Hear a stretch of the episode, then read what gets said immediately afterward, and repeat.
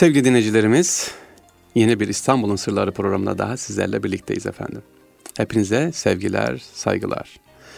İstanbul Çamlıca'dan gönül dolusu sevgiler. Evet, sağımızda İstanbul'un meşhur güzel camilerinden Çamlıca'dayız efendim. Yeni yapılıyor inşallah biter yakında hep beraber orada namaz kılarız. Yine şu anda radyomuzun bulunduğu yerde çilehanemiz var.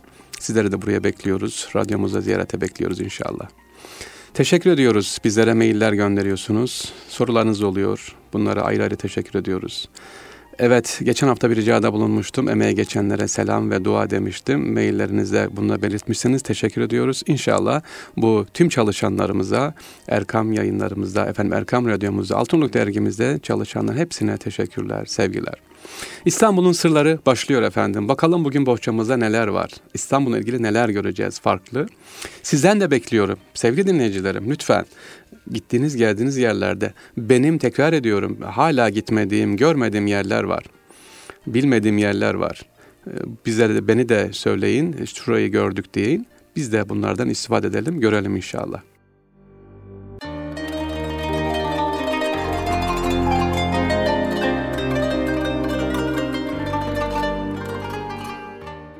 Geçen hafta küçük bir uyarıda bulunmuştum. Bununla ilgili bana mail atmıştınız. Teşekkür ediyoruz. Ve bir uyarı daha geldi. Hocam şu konudan da bahseder misiniz diye. Hay hay. Geçen hafta unutmuşum. Güzel oldu. Şimdi bahsedeceğim. Nedir o? Demiştim ki geçen hafta Şehzadebaşı Camii'nin e, içerisindeki oraya gitmeyin demiştim efendim ya da e, o kalabalık vardı onu uyarmıştım. Burası İslami değil ya davranış güzel bir davranış değil demiştim. Bir dinleyicimiz, sevgili dinleyicimiz hocam dedi bundan daha vahimi de var. Nerededir? Ayın biri kilisesinden de bahseder misiniz? Ah, edeyim tabii orayı ziyaret ettim üstelik. Bu mail gelince kalktım gittim bizzat rica ettim. Efendim o kiliseyi de gördüm. E, ayın biri her ayın birinde sevgili dinleyicilerimiz nerede bu kilise? E, Şepsefa Hatun Camii var. Un kapanında İmeçe bloklarının olduğu yerde hemen arkasında da mütevazi küçük bir kilise var. E, bu kilisenin özelliği ne? Ayın birinde efendim buraya gidiliyor, ziyaret ediliyor. E, edilsin bize ne? Tamam Allah ziyaretlerini kabul etsin tamam herkes serbestse gidebilir. Ama gidenler sevgili dinleyicilerimiz kuyruk o kadar fazla ki Ün Kapanı, İmeçe, Sepsefa Hatun oradan oraya kadar böyle kuyruk oluşuyor her ayın birinde kalabalık. Hatta e, soruyorum nereden geldiniz? Ben Bursa'dan geldim. Ben İzmir'den geldim. Gelenler kim? Kiliseye mensup olanlar mı? O dine mensup olanlar mı? Hayır. İşte üzücü olan bu. Ben onun için bunu uyarmak istiyorum. Ayın biri kilisesine gidenler arasında çoğunluk Müslüman kardeşlerimiz. İnançlı kardeşlerimiz üstelik. Niye? E duydum diyor burası güzelmiş ben buradan 5 lira verip ya da işte kaç paraysa anahtar alıyorum diyor küçük anahtar. O anahtarı yukarı merdivenden çıkıp aşağı atıyorum. Atınca diyor dileğimiz olacak. Hastam şifa bulacak. Sevgili dinleyicilerim. Evet. Üzücü değil mi? Bu bir, ne olmuş? Bir e, hurafe olmuş. İzmir'den kaç saatlik yoldan geliyor. Bursa'dan kaç saatlik yoldan geliyor. Ve her ayın birini bekliyor ki geleyim buraya, e, sıraya gireyim, içeri gideyim, efendim anahtar alayım, yukarı çıkayım, ben de aşağı atayım diye. Halbuki buranın böyle bir özelliği yok. Yani bunlar da müzdaripler. Ama kimseye kapıyı kapatamazsın, kimseye gelme diyemezsin. İşte biz de sadece uyarıyoruz sevgili dinleyicilerimiz, e, değerli kardeşlerimiz. Buranın böyle bir özellikle Müslüman kardeşlerimiz gidip de şifa verme özelliği ya da kısmet açma özelliği, o anahtarla bir özelliği yok. Siz değişik yerlerden, İstanbul'un semtlerinden, İstanbul dışından geliyorsunuz ama lütfen bu tür hurafelere karşı dikkatli olalım. Kendi inancımıza, imanımıza Allah korusun zarar vermeyelim. Evet bu da bir sadece bilgi tekrar ediyorum. Bizimki aktarmadır. Hiç kimseye biz zorla bir şey demiyoruz. Bunun İslami olmadığını, yapılanın yanlış olduğunu, hurafe olduğunu, yapalım ibadet yapalım derken Allah korusun zarar görebileceğinizi de aktarmak istiyorum. Diyor biliyorum bunun gibi daha neler var sevgili dinleyicilerimiz. Efendim hocam başka başka yerlerde de var. Türbelerde gidiliyor. Mesela geçen daha önceki programda anlatmıştım. Hacet penceresi vardır. Eyüp Sultan'da demiştim. Hacet penceresi hacet yapılan dua değil demiştim. Evet bunu dikkatle dinlemişsiniz teşekkür ederim. Hacet penceresi şudur ya da hacet kapısı şudur. Oraya sabah namazından sonra toplanılır. Ey arkadaşlar komşular burada şu anda bir ihtiyacı olan var mı? Bir sıkıntısı olan var mı diye sorulur o sıkıntı giderilir. Ondan dolayı hacet kapısı, hacet penceresi denilmiştir. Yoksa aman ha kendi kendimize hurafeler uydurmayalım değerli dinleyicilerimiz. Evet başlıyoruz bu ayın bir kilisesiyle ilgili kısa bilgi verdikten sonra. Efendim acaba bugün programımızda neler var, nelerden bahsedeceğiz?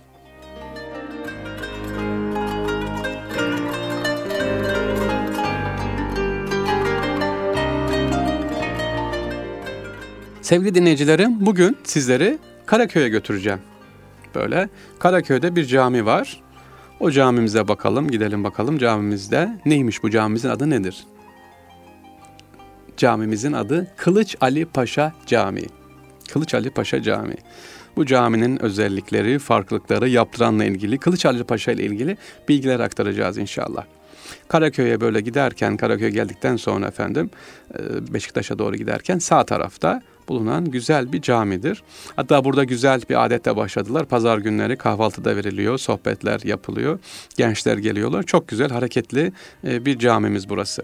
Ama hikayesi nedir? Ya da bizim için sırrı nedir? Niye gidelim bu camiye? Efendim, Kılıç Ali Paşa Camii dediğim gibi Tophane Meydanı'nda bulunan cami Kaptan Derya Kılıç Ali Paşa tarafından Mimar Sinan'a yaptırılıyor. Burası tamam Mimar Sinan. Ama caminin özelliğine ise bu cami acaba hangi camiye benzer? Hangi caminin bir benzeri? İşte ona bakalım. Efendim 1581 yılında inşa edilen bu cami hikayesi şöyle. Kılıç Ali Paşa cami yaptırmak istediğini Sultan 3. Murat'a söylüyor. O da latife olarak diyor ki Paşa diyor sana diyor karada cami yeri yok. Sen diyor Bahriyezlisin, Denizlisin diyor. Sen denizde yaptır diyor. Latife diyor. Tabi buna biraz üzülüyor Kılıç Ali Paşa ama Mimar Sinan'a baktırınca kolay diyor. Madem dedi ki diyor sana denizde yaptır eyvallah diyor. Denizde yaparız biz de. E, nasıl olacak?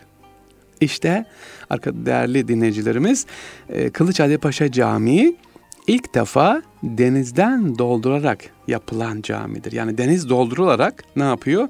Bu camimizin temeli atılıyor efendim. Moloz yığılıyor, taş toprak getiriliyor. Kılıç Ali Paşa Camii deniz üzerine kurulan, yaptırılan ilk cami olma özelliğini kazanıyor efendim. Padişah bu latifesi üzerine. Evet cami dedim ki neyin küçültülmüş bir modeli? Hangi camimizin İstanbul'da? Ayasofya'nın. Ayasofya'nın küçültülmüş bir modelidir Kılıç Ali Paşa Camii. E, lakin Mimar Sinan biliyorsunuz hiçbir şeyi tekrar etmez. Bu cami Ayasofya'nın basit bir kopyası şeklinde değil, e, onun eksik yönlerinin tamamlanıp mimari yönden daha da geliştirilmiş halini ortaya koymuş. Ona göre Kılıçhalı Paşa Camii'ni yapmıştır. Lütfen e, bu program dinledikten sonra Kılıçhalı Paşa Camii'ne hocam ben defalarca gittim. Tamam bir daha gidin bir de bu gözle bakın. Bir, bu camimiz denizden doldurulmuş. İlk cam iki, Ayasofya'nın küçültülmüş bir hali gibi. Aynı Ayasofya'ya gezer gibi bakalım gezerin e, neyi görebileceksiniz. Ortak yönleri neler varmış bir bakalım. Ee, ama dediğim Mimar Sinan bunu kopya yapmıyor ya da aynısını getirmiyor. Ayasofya'yı biraz daha genişletiyor. Onun eksik yönlerini Kılıçali Paşa Camii'nde tamamlıyor. Ee, Ayasofya'nın e, özellikle dedim ki farklı bir cami dedik. Kılıç Paşa Camii e, deniz kenarına yaptırmıştı bu cami özellikle.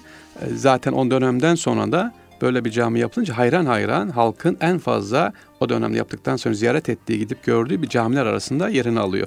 Cami deyip de geçmeyelim ha sakın onu söylemeyi unuttum. Kılıç Ali Paşa Camii'nin yanında mektebi de var. Şu anda faal olan hamamı da var. Yani tek başına bir cami değil külliyesi de var.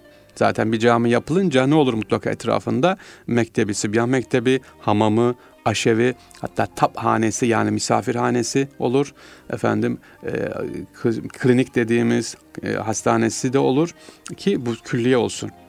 E, etrafa insanlara ne yapıyor? Faydalı olacak. Kılıç Ali, Ali Paşa Camii işte bu şekilde farklı bir e, camilerimizden. E, camiyle ilgili anlatacaklarımız bir ilginç olay. Bilmiyorum e, Cervantes'i bilir misiniz? Ya da hani duyarsınız hikayelerde ne vardı Cervantes kimdir? Özellikle e, savaş, değirmenle savaşan kimdi? Don Quixote değil mi? Don Quixote'un yazarı. Şimdi sıkı durun. Ne diyorum? Don Quixote'un yazarı Cervantes. Evet bu camide ameli olarak çalıştı. Cervantes Kılıçali Paşa Camii'nde amel olarak çalıştı. Nasıl hocam öyle bir yazar? E, e ne yapalım? Kader işte. Denizde 5 yıl boyunca Osmanlı Devleti Levent Savaş'tan Cervantes Türklerden o kadar korkmuş gibi e, korktu ki Don Quixote diye bir yazı e, hikaye yazıyor ama Cervantes yani Don Quixote'un yazarı esir oluyor efendim.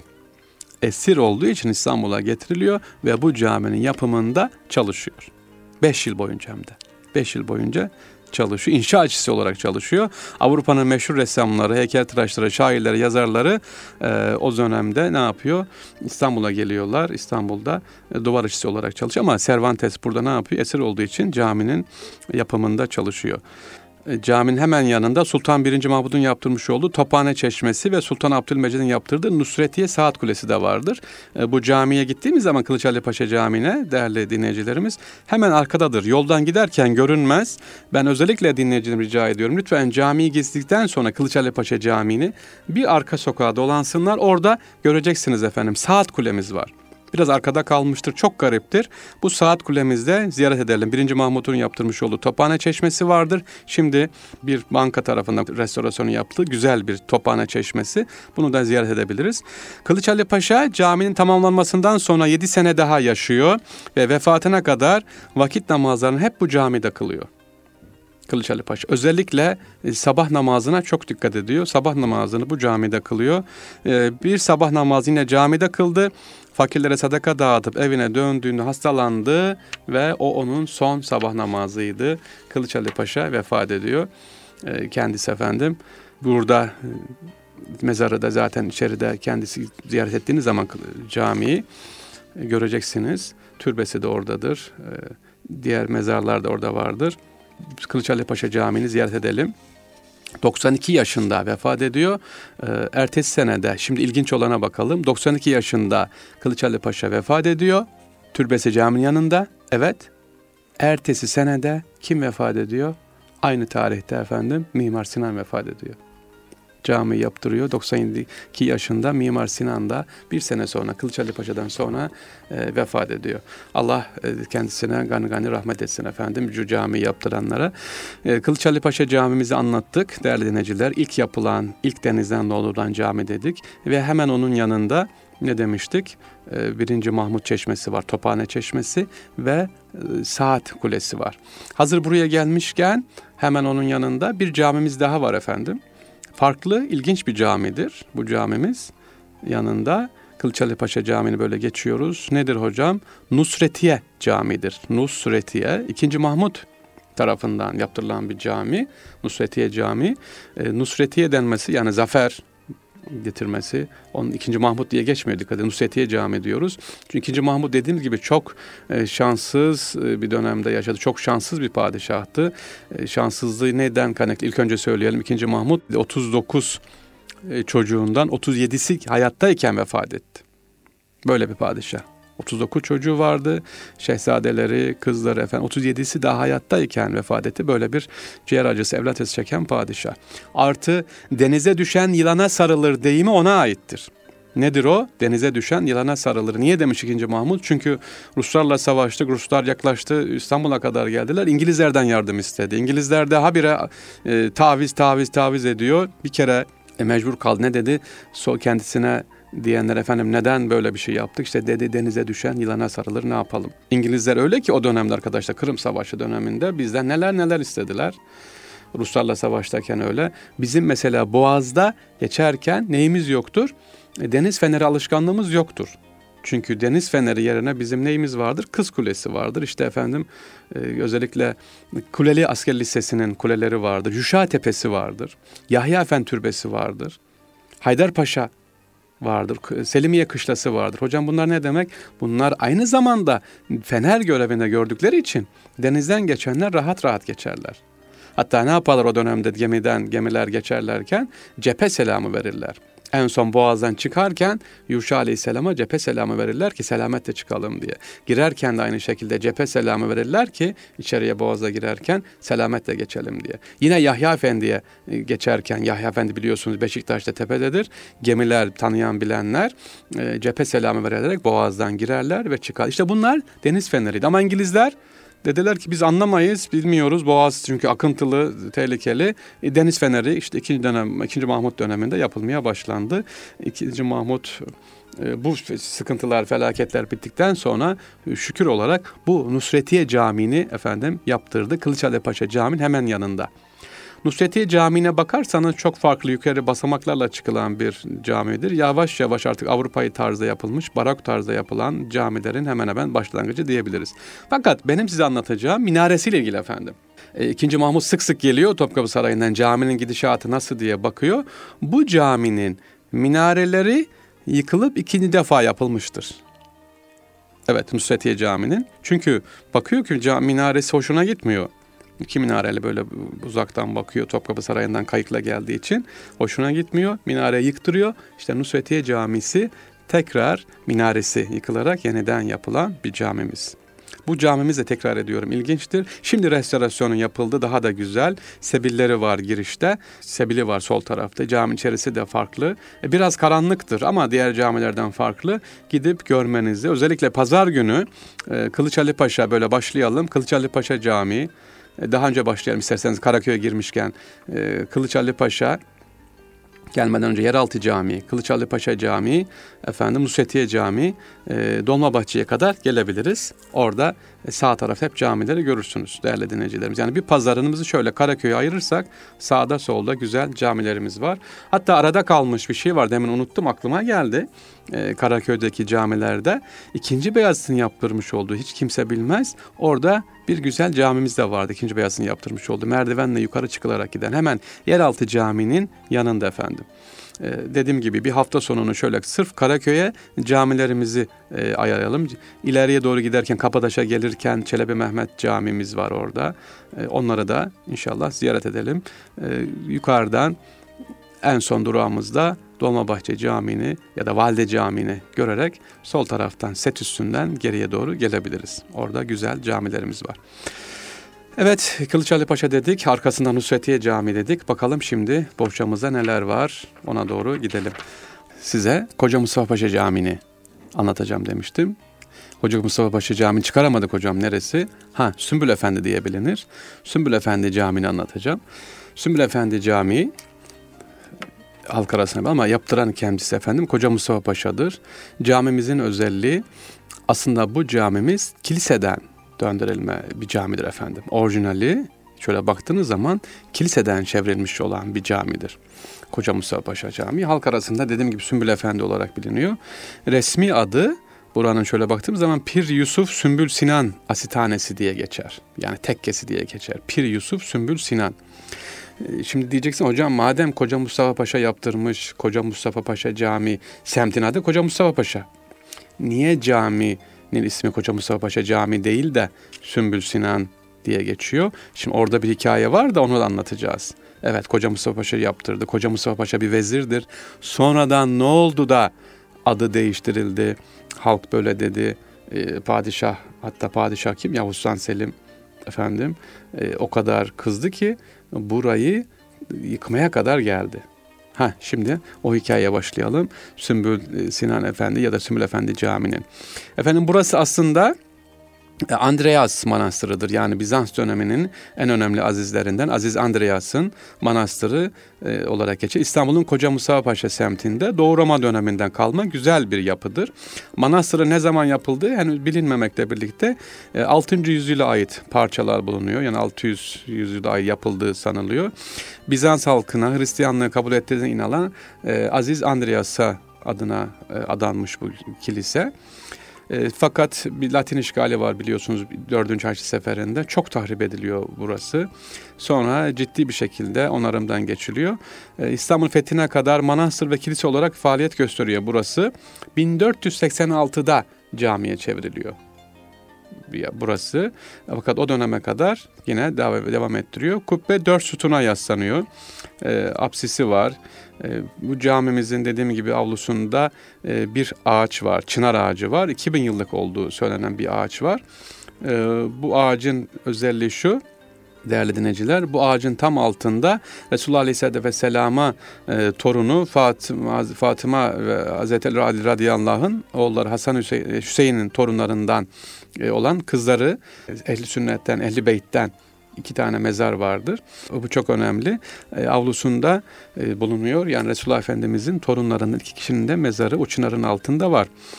E, başka bir mezar daha var hemen önünde camiye girerken böyle baktığın zaman o da dua eder. Bu da efendim imparatorun kızının mezarıdır. Sarı Sadıka ismini alan Katerina ismindeki kızının mezarıdır bu. Şimdi e, bu hikayemiz nasıl? Bu da farklı. Önce şuna yapalım. Orada şu anda gittiğiniz zaman böyle zincirle tutturulmuş hatta demirle tutturulmuş olan bir e, ağaç vardı. Çınar ağacı düşmesin diye tutturulmuştur.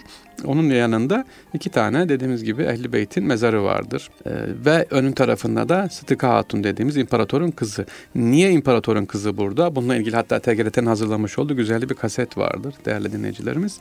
Ee, imparatorun kızı birden kendisi e, bir vakti e, Allah'ı zikretmeye başlıyor. Efendim yanındakiler şaşırıyorlar acaba hastalandı mı delirdi mi diye. İşte papazlar geliyor okumaya başlıyorlar. Kız kendi kendine Allah demeye başlıyor ve e, kelime-i tevhid getiriyor kendi kendine. Evet imparatorun kızı. Tabi okumalar şunlar bunlar efendim kız işte cinlendi diye o dönemde var ya yapılır. Fakat kız dinlemiyor. Müslüman, Müslüman olduğunu da bilmiyor. Müslüman olarak değerli dinleyicilerimiz bu imparatorun kızı e, vefat ediyor. O kasetten dinlediğimize göre bu hanımefendinin özelliği neymiş? Diyorlar ki sen bu özelliğe nasıl sahip oldun? Hatta diyorlar ki seni Kabe'ye götüreceğiz, Kabe'ye gideceğiz. İbrahim Fakirullah geliyor ziyaretine. Kabe dediğiniz bu mu diyor. Aa baksa ki Kabe ayağına gelmiş bu imparatorun kızının. Soruyor nasıl oldu da sen bu hale erdin? Yanındaki hizmetçisi cevap veriyor. Diyor ki hanımefendimiz diyor eline bir şey geçtiği zaman hemen dağıtır diyor. Hiçbir şey bekletmez. Bir altın inci geçse bunu hemen fakirlere dağıtır gönderir diyor. Dağıtmayı çok seven cömert birisi de. İşte Allahü Teala ondan ikram etmiş. Kabe'yi ayağına göndermiş ki Kabe dediğim bu mu diyor. Efendim orada Kabe'yi görüyor ve bu şekilde kelime-i tevhid getirerek vefat eden bir hanımefendi. Caminin, Sümbül Efendi caminin girişinde hemen bulunan mezar imparatorun kızıdır ve Müslüman olarak vefat ettiği efendim bilinmektedir, söylenmektedir. İsmi de Sarı Sıdıka diye biliniyor. Bu Sümbül Efendi camimizin başka bir özelliği değerli dinleyicilerimiz. Camilerimizde ilk mahyanın yakıldığı yer burasıdır. İlk mahyanın yakıldığı yer burada ilk defa burada kullanılıyor. Ondan sonra diğer e, Eyüp Sultan'a ve diğer camilerde mahya gelene yavaş yavaş başlıyor. Şimdi burada ağaç dedim. Bu ağaçla ilgili özellikle bir yine bir inanış var. Ee, zincirin altında eskiden tabii Osmanlı döneminde olur. Burada bir hurafedir. Şimdi aman lütfen yapmayın. E, zincir zincir niye bağlı? Zincir ağacı tutmak için. Ama inanışlar nasıl? Diyorlar ki kim yalan söylüyorsa altına gelip de e, zincir sallanıyormuş. Yani bir nevi yalan makinesi olarak da bir dönem kullanılmış. Bu tabii ki tekrar ediyorum hurafedir. Sadece bilgi olarak size söylüyorum. Sümbül Efendi dediğimiz gibi bu caminin özelliği kiliseden çevrilmiş olmasıdır etrafında. E, hatta Hattat Hafız Osman'ın Osman Efendi'nin kabri de buradadır efendim. Hafizlerin hemen içerisinde Sümbül Efendi'nin türbesi var. Hazreti Hüseyin radıyallahu anh kızları da bu türbe içerisinde yatıyor içeride. Çifte sultanlar olarak biliniyor bunlar. E, niye buraya gelmişler? Efendim bunlar İstanbul'u fethetmek bir rivayete göre ashab-ı kiramla geliyorlar. Hakkın rahmetine burada kavuşuyorlar. Bir rivayet ise Bizans'a esir düşüyorlar esir düştükten sonra birinin adı Fatıma, diğerinin adı da Sakine olarak geçiyor kayıtlarımızda. Çifte sultanlar olarak biliniyor. İkinci Mahmut döneminde de şimdiki türbeleri yapılıyor efendim. Bu burayı da gittiğiniz zaman ziyaret etmenizi tavsiye ederim. E, neden özellikle burası Koca Mustafa Paşa değil de Sümbül Efendi olarak algılanıyor, biliniyor. Çünkü Yavuz Sultan Selim Han Koca Mustafa Paşa veziri Yavuz Sultan Selim veziri bir ara efendim araları bozuluyor. Yavuz Sultan Selim Han şehzadeler yardım ettiği için, düşündüğü için Koca Mustafa Paşa'yı idam ettiriyor ve o kadar sinirleniyor ki diyor ki taş üstüne taş bırakmayacağız diyor. Kendisini bu külliyesini Koca Mustafa Paşa külliyesini yıktırmak istiyor. Askerler geliyor. Tabii hemen karşısına kim çıkıyor? Sümbül Efendi çıkıyor o zaman tekke olarak. Hayır diyor böyle bir tamam e, şahsın kusur olabilir. Onun sen yaptın kullandın ama bu külle yıktıramazsın diyor. Padişah bizzat karşı geliyor. Ama bir de ki ferman vermiş. Sırf e, o ferman yerine gelsin diye e, değerli dinleyicilerimiz sadece giriş kapısının bir kısmı yıkılıyor e, külliyenin bir kapısı yıkılıyor ki padişahın o fermanı yerine gelsin diye e, ve o dönemden sonra da artık orası Sümbül Efendi Camii Sümbül Efendi Haziresi olarak yer alınıyor, biliniyor. Caminin başka bir özelliği burada özellikle e, çok önemli alimler Buraya gelip zaman zaman vaazlar veriliyor. Osmanlı döneminde hizmetler ediliyor. E, mezarlıklarda özellikle dönemin ileri gelen devlet adamları, alimler var. Hafız hatta Hafız Osman'a demiştim mezarı burada da ziyaret edilebilir. Osmanlı'nın en büyük alimlerin olduğu bir dönemde Fatih Camisi Ayasofya Camisi'nde vaaz veriyordu Sümbül Efendi. Yavuz Sultan Selim Camisi'nin ilk vaazı yine Sümbül Efendi vermiştir. E, Sümbül Efendi 33 sene irşat vazifesinin ardından 1529 yılında vefat ediyor. Merkez Efendi Hazretleri de Sümbül Efendi Hazretleri'nin damadı oluyor bunu biliyorsunuz. Şeyh Sümbül Efendi Hazretleri'nin vefatından sonra da Merkez Efendi devam ettiriyor. Cami ile ilgili bir başka özellik Sümbül Efendi Camii'nin özelliğiyle ilgili minaresi efendim. Minaresi çok eskidir. Eskiliği nereden geliyor? Ayasofya'nın minaresiyle aynı tarihte. Yani o kadar o dönemde yapılmıştır. En eski minarelerden bir tanesidir.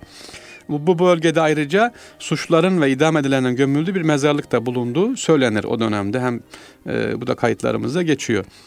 E, bir Yavuz Sultan Selim'in idam ettirdiği Koca Mustafa Paşa o, dediğim gibi onun idamından sonra da sönmemiş adını taşıyan cami ve imarethaneyi tamamen yıktırmak istemiş ama Sümbül Efendi karşı çıkıyor. Hatta diyor ki kayıtlarımızda Yavuz Sultan Selim Han bizzat camiye geliyor. Niye emirim dinlenmedi, yıkılmadı diye.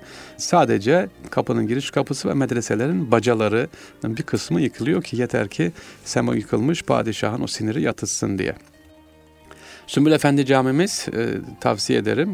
Güzel bir külliyedir, ziyaret edilebilir. İçine girdiğiniz zaman lütfen bakın hem iç kısmın dizaynı hem de minarelerin hem de etrafındaki külliyeler. Ama özellikle tavsiye ediyorum Sümbül Efendi camimize gittiğimiz zaman daha camiye girmeden kapının önündeki değerli dinleyicilerimiz o mezarı Sıdıka Sultan dediğimiz onu ziyaret edelim. Onun yaptığını, neler yaptığını, neden hala bakın 2016 yılındayız. Kaç yüzyıl evvel yaşamış bir zatı, bir hanımefendiyi, imparatorun kızını bugün hayırla yad ediyoruz. Girerken Fatiha okuyoruz. Niye? Çok cömertmiş efendim cömert olduğu için e, kendisi bugün bize ne yapıyoruz? Hayırla yad ediyoruz. Allah rahmet etsin diyoruz kendisine. Evet Sümbül Efendi'deydik bu hafta. E, Sümbül Efendi'den bahsettik. Yine değişik haftalarımız ilerleyen günlerde buraya geleceğiz. Başka e, camilerimiz de var. Dediğim gibi benim bizzat gezdiğim İstanbul'da 86 tane kiliseden dönme cami var. Bunları zaman zaman özelliklerini, ilginçliklerini inşallah sizlere anlatacağız efendim.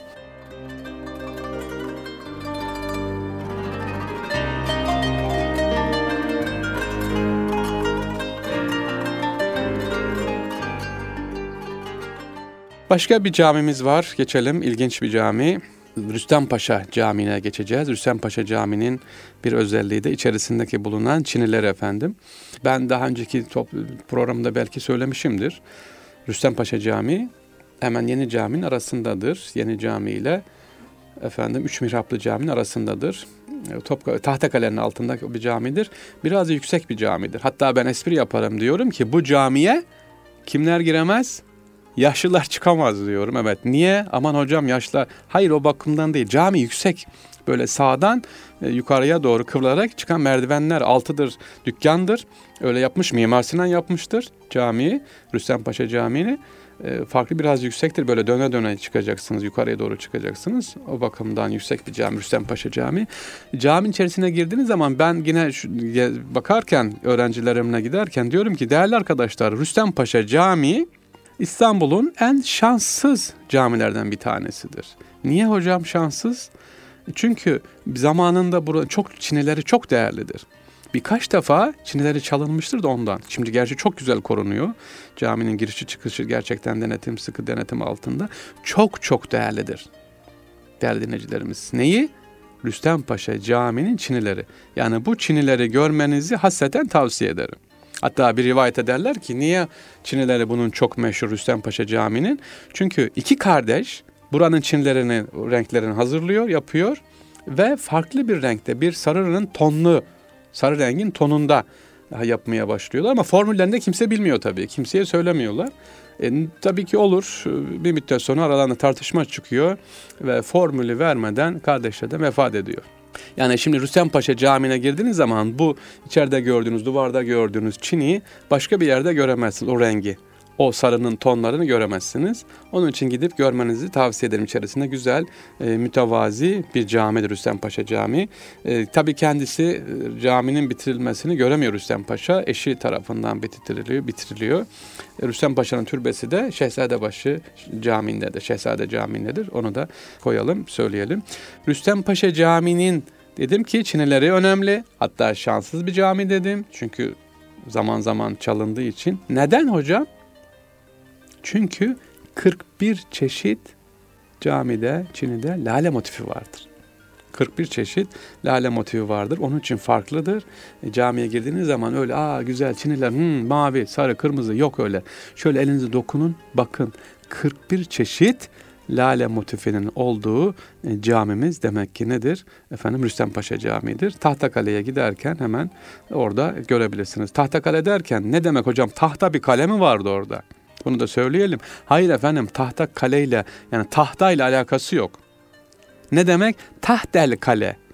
Yani kale altı demek. Tahte, tahtel kale, kale altı. Surlar var orada.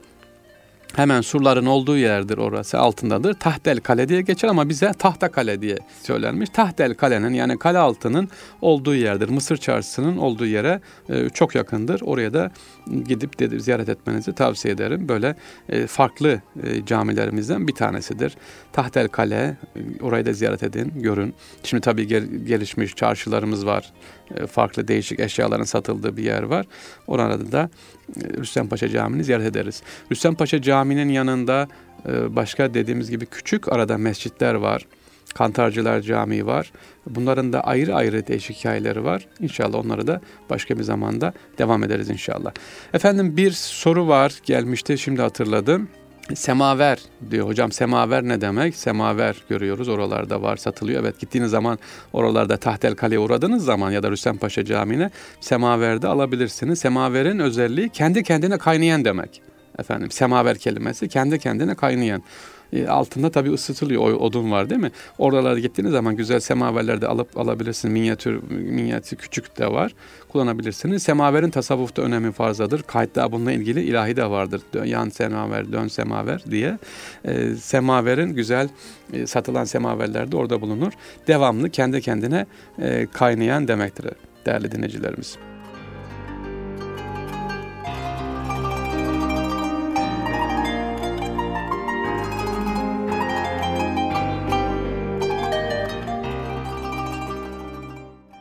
Geçiyoruz. Şimdi buradan e, geçtik. Acaba nereye geçelim? E, bir arkadaşımız sormuştu. Onu da cevaplayalım sorulara gelmişken. Rum ateşi diyoruz hocam. Rum ateşi nedir? Rum ateşi yani Grojva ateşi. Grojva ateşi bugün bile hala formülü tam olarak bilinmeyen bir e, Bizans döneminde kullanılan ateşti. Bir silah değerli dinleyicilerimiz. Savunmada kullanılan, özellikle surlardan aşağı akıtılan bir ateşti. İçinde neler var? Neler var? İşte bir kısmını biliyoruz. Zeytinyağı var, barut var, efendim güverçile var. E, değişik maddelerde, yedi maddeden oluştuğu e, kaynaklarımıza söyleniyor. Ama oranı ne kadar, nedir bilinmiyor. Artı neden bu bu kadar önemli? Grojuva ateşi ki e, üzerine değdiği zaman Allah vermesi ne yapıyor? Yakıyor tamamen götürüyor Grojuva ateşi. E, çünkü suyu gördüğü zaman biz bir ateş yandığı zaman hemen ne yaparız? Su dökeriz. Hayır. Grojuva ateşi ne yapar? Suyu görünce daha da coşar. Çok suyu sever. Şimdi zeytinyağı üzerine düşünsenize. Ocakta zeyt, patates kızartıyorsunuz. Su döktünüz ne yapar? Parlar değil mi? Aynı onun gibi. Hatta bununla ilgili e, bir şey aktarmıştım. Tekrar hatırlatayım. E, Avar Türkleri 960 yılında İstanbul'a geldiğinde İstanbul'u yine karadan kuşattılar. E, gemileri karadan yürüttüler. İstanbul'un fethini gerçekleştiremeyince gemiler Haliç kapandı. Karadan yürüttüler. Çok sevindiler Rumlar gemilerin karadan yürütüldüğünce sabah baktılar ki e, Bulgar gemileri kapıda. Şey Avar Türklerin gemileri kapıda. O dediler. E, Avar Türkleri de sevindi. O Halice indik diye. Şimdi Rumlar niye sevindi? Avar Türkleri niye sevindi? Avar Türkleri sevindi ki aa gemileri karadan indirdik. İstanbul'u teslim alacağız. Rumlar sevindi. Dediler ki Avar Türkleri bilmiyorlar Grojuva ateşinin suda da yandığını, denizde de yandığını. Çünkü gemiler o kadar yaklaştılar ki sura bugünkü İstanbul surlarına ama ateşi dökünce tabi gemiler ahşap e, Avar Türklerin gemileri yandı. E hocam ama Fatih Sultan Mehmet Han da gemileri karadan yürütmedi mi? O da indirmedi mi aşağıya? Evet indirdi. Ama Fatih Sultan Mehmet Han ne yaptı? Gemileri karaya yani sura o kadar yaklaştırmadı. Geride orta noktada bıraktı. Ne, neyi vardı gemimizde? Yine Fatih Mehmet Han'ın bulduğu, keşfettiği e, havan topu vardı. Havan topu yani aşırtmalı top surun içerisine e, giden top vardı. Bundan dolayı gemilerimiz yanmadı. Evet, Gurojiva ateşi dediğimiz gibi böyle e, bir ateş.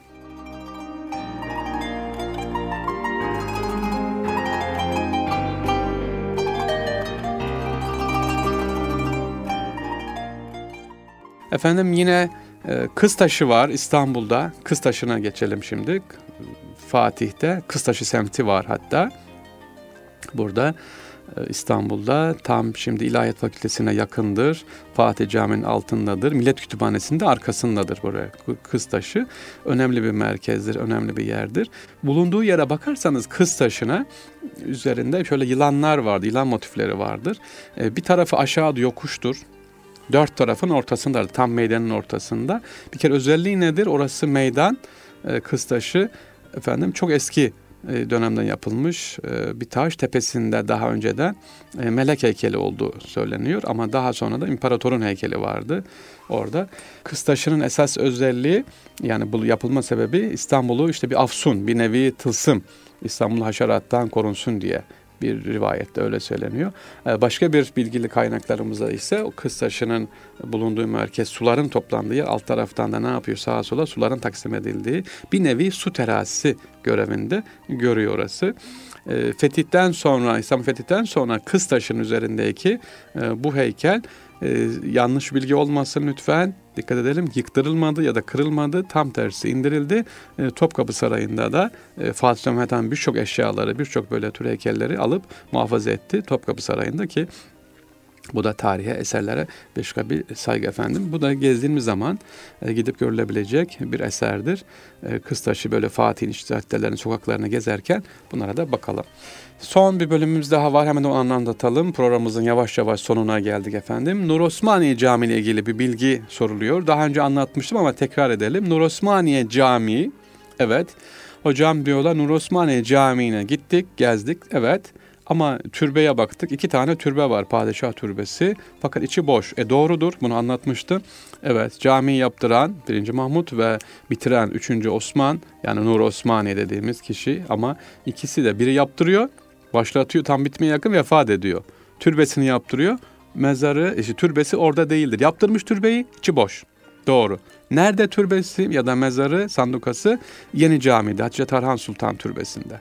Cami bitiren kim? Üçüncü Osman, Nur Osmaniye. O, o da türbe yaptırıyor Nur Osmaniye Camii'ne. Bugün Kur'an kursunun olduğu yer, arka tarafta, müftülüğün olduğu yerde. Ama o da türbesi içinde boştur. Orada değildir. O da nerede? O da Hatice Tarhan Sultan'ın türbesinin olduğu yerdedir. Yeni caminin hemen yanındadır. Bu camimizin de böyle bir özelliği var. Ee, inşallah gittiğiniz zaman da Nur Osmaniye caminizi görmenizi tavsiye ederim. Farklı bir mimarisi vardır. Değerli dinleyicilerim, evet bir programımızın daha sonuna geldik. İstanbul'un sırlarında sizlere Koca Mustafa Paşa Camii'ni anlattık, Rum Ateşi'ni anlattık, Nur Osmaniye Camii'ne giriş yaptık, Kıstaşı dedik farklı farklı inşallah bilgilerle paylaştık. Haftaya yeni İstanbul bilgilerle, İstanbul sırlarıyla yine birlikte olacağız. İnşallah hurafeden uzak, gerçek bilgilerle, gerçek İstanbul sırlarıyla sizlerle birlikte olmayı Allah'tan diliyoruz. Nasipse sizlerle birlikte olacağız. Hepinize tekrar gönül dolu sevgiler, saygılar efendim. Allah'a emanet olunuz. Hoşçakalın.